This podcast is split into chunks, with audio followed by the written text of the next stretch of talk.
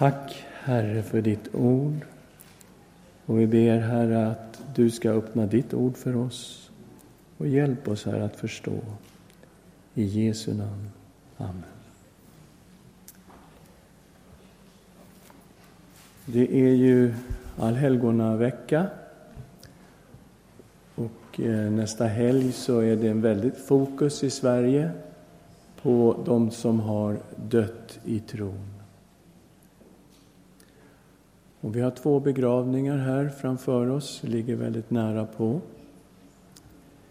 Det är Ulla-Britt Svensson och det är Gun-Britt Landin som har fått lägga ner sin vandringsstav och gått in i härligheten tillsammans med Jesus. Var är de någonstans? Ja, när vi tittar in i Nya testamentet så ser vi ju att när en troende som tror på Jesus Kristus dör, då går han direkt till Herren. Det är vår bestämda uppfattning att vi går direkt till Herren Jesus och att vi får vara med Gud. Eh, men sen är det ju inte bara så, därför att Bibeln talar ju också om en uppståndelse. Och man tänker, jaha, vad är det för någonting? Eh, det var väl bra så att vi kom direkt till Herren nu när vi dör. Eh, varför ska det vara en uppståndelse också senare? Och det här skapar en del tankar och funderingar och har gjort så även i, i, min hjärna. Jag har funderat en hel del kring det här. Hur kan det vara egentligen med allt detta? Och när Nya testamentet tar upp de här sakerna så ser man ju på det utifrån det hebreiska, bibliska, gamla testamentliga sättet att människan är en enhet, ande, själ, kropp och att Gud har skapat hela människan. Medan det grekiska tänkandet mera det här att man delar upp människan i kropp så här och själ så här och ande så här och att människan är mer uppdelad. Och vi är väldigt formade av grekiskt tänkande i Sverige. Så att vi får lite problem när vi tänker på helheten och enheten av människan, ande, själ och kropp. När Nya testamentet tar upp den här frågan, så utgår man hela tiden utifrån Jesus och talar om Jesu uppståndelse.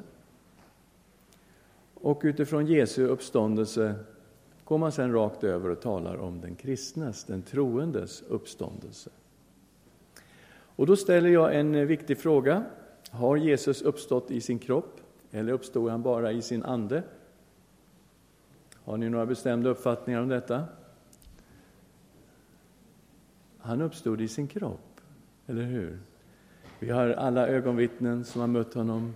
Vi har den tomma graven.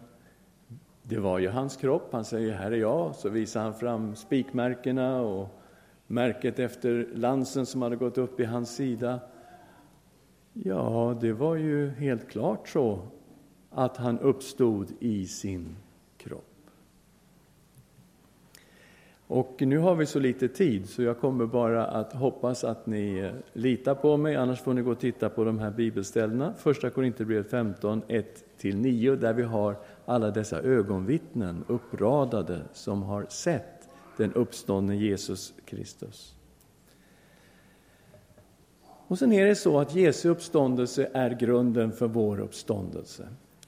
Paulus går vidare direkt där i Första Korinthierbrevet 15 från vers 12 till 23 och tar upp problemet.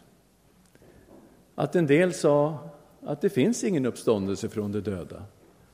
Och då säger Paulus att men finns det ingen uppståndelse från den döda, då har ju inte Jesus uppstått heller. Om Jesus inte har uppstått, då är vi kvar i våra synder och då är vi de mest ömkansvärda av alla människor som har byggt våra liv på detta. Men Jesus har ju uppstått, hans grav var ju tom och de har ju mött honom, alla dessa människor, dessa ögonvittnen som har avlagt sina vittnesbörd att de har mött den uppståndne Jesus Kristus. Så Jesus har ju uppstått, alltså finns det uppståndelse från de döda och då gäller det också oss som är kristna. Det är Paulus väldigt enkla logik. Har Jesus uppstått så ska vi också uppstå. Jesu grav var tom, han uppstod, vi kommer också att uppstå. Jesu uppståndelse var ju på något sätt unik. Och eh, det ser vi ju på flera ställen i Nya testamentet. Jesus uppväckte ju döda, eller hur? Eh, Lazarus grav var tom.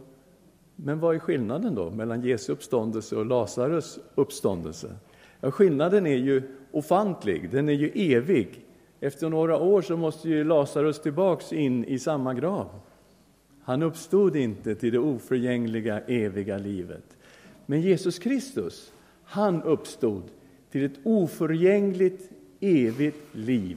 Han kommer aldrig mer att dö. Hajar ni det? Jesus är uppstånden i sin kropp. Han kommer aldrig mer att dö. Han lever det eviga livet nu. Och han uppstod då som den första till det eviga, oförstörbara livet. Han uppstod i sin kropp.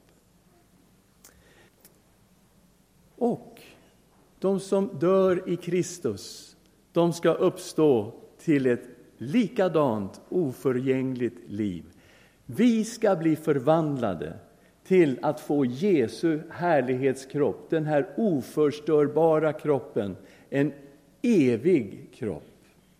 Och det är ju många bilder på detta. Aposteln Paulus talar om den eviga boningen som han ska få flytta in i, hur döden ska uppslukas av livet. Och jag kommer ändå trots allt att läsa några bibelverser, hoppas ni ursäktar det. Eh, jag läser Filipperbrevet kapitel 3, vers 20 och 21. Men vi har vårt medborgarskap i himlen och därifrån väntar vi Herren Jesus Kristus som frälsare.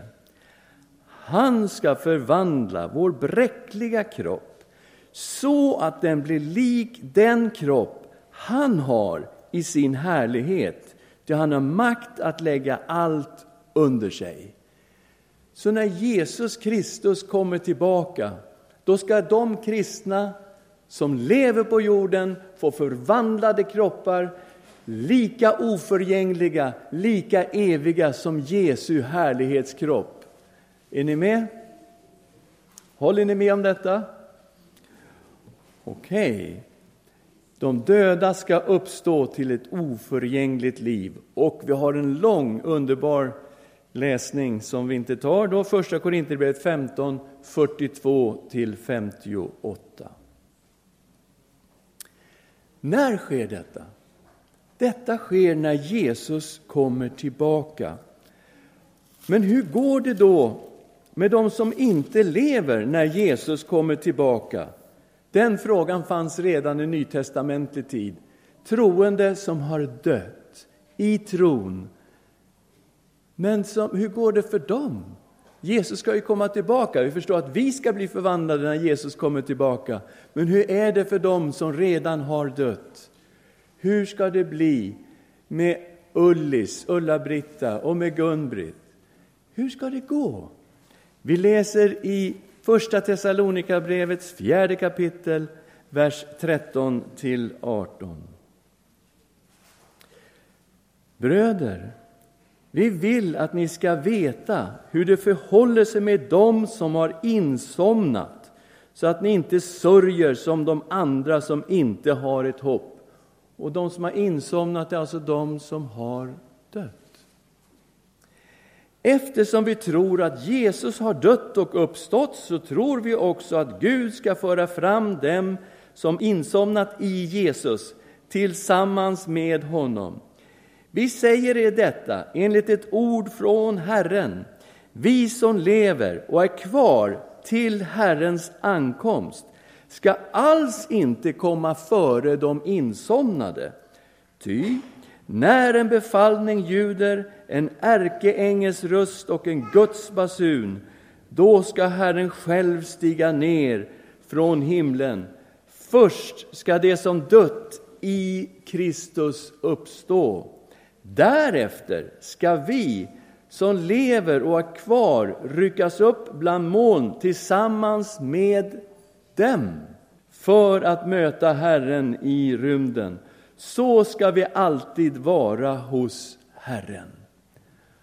Okej. Okay.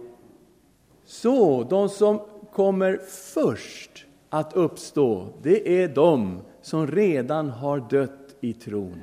De kommer tillsammans med Jesus när han kommer tillbaka och då sker det en uppståndelse först för dem som har dött och sedan så kommer vi som lever när Jesus kommer tillbaka att bli förvandlade och få denna härlighetskropp, denna eviga kropp och vi ska för alltid få vara tillsammans med Herren.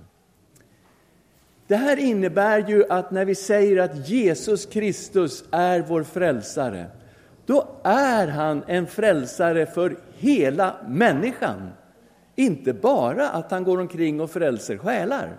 Jesus Kristus frälser människan som är ande, själ och kropp.